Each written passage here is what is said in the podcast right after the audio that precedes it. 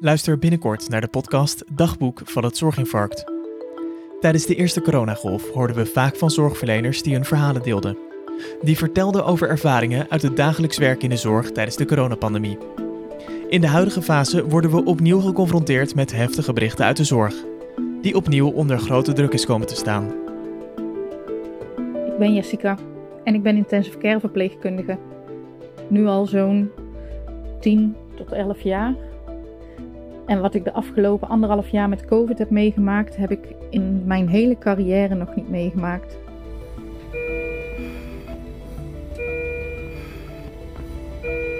Het is ook heel moeilijk uit te leggen aan mensen die er niet dagelijks mee van doen hebben.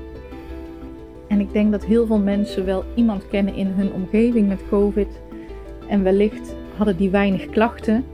Maar wij op de intensive care, wij zien het andere uiterste. Wij zien die allerziekste patiënten die aan de beademing komen, multi-orgaanfalen krijgen, nierdialyse.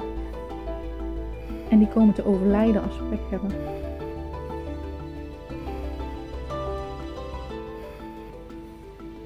Mijn naam is Nienke en ik ben verpleegkundig specialist binnen de huisartsenzorg. We zitten nu al een jaar en negen maanden in deze pandemie.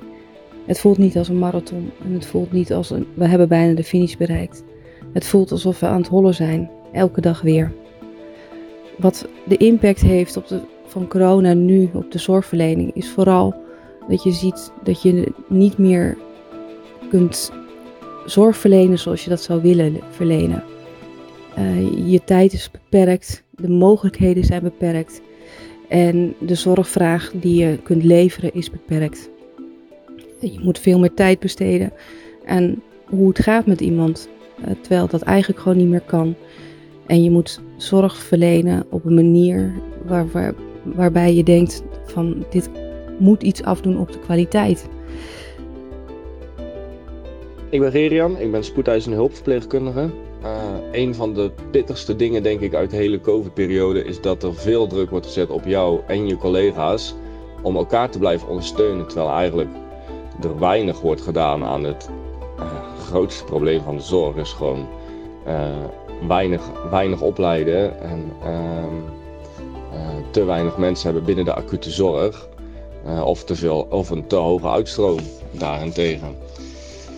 Um, en dat maakt het dan wel lastig, omdat er dan wordt geleund op je collegialiteit. En dat is natuurlijk iets wat eigenlijk het belangrijkste is aan die hele zorg. Want zonder je collega's red je het ook gewoon niet.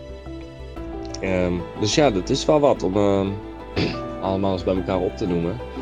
Um, en ik denk dat we daar nog ja, lang en breed uh, over na moeten denken. Over hoe we dat probleem gaan oplossen. Zodat we toch door kunnen gaan. En ja, ik denk dat er een uh, mooie opmerking voor zoiets is. Maar uh, ja, help ons om andere mensen te helpen. In deze podcast krijgen zorgverleners opnieuw de ruimte hun verhaal te vertellen. Elke aflevering horen we van zorgverleners uit een bepaalde tak van de zorg. Je hoort mensen uit de wijkzorg, gehandicaptenzorg, verpleeghuiszorg, spoedeisende hulp, ziekenhuis en intensive care. Een audiodagboek waarin ze hun ervaringen delen van zorgen tijdens een zorginfarct. Korte afleveringen met rauwe emotie en informatie direct uit het hart van de crisis.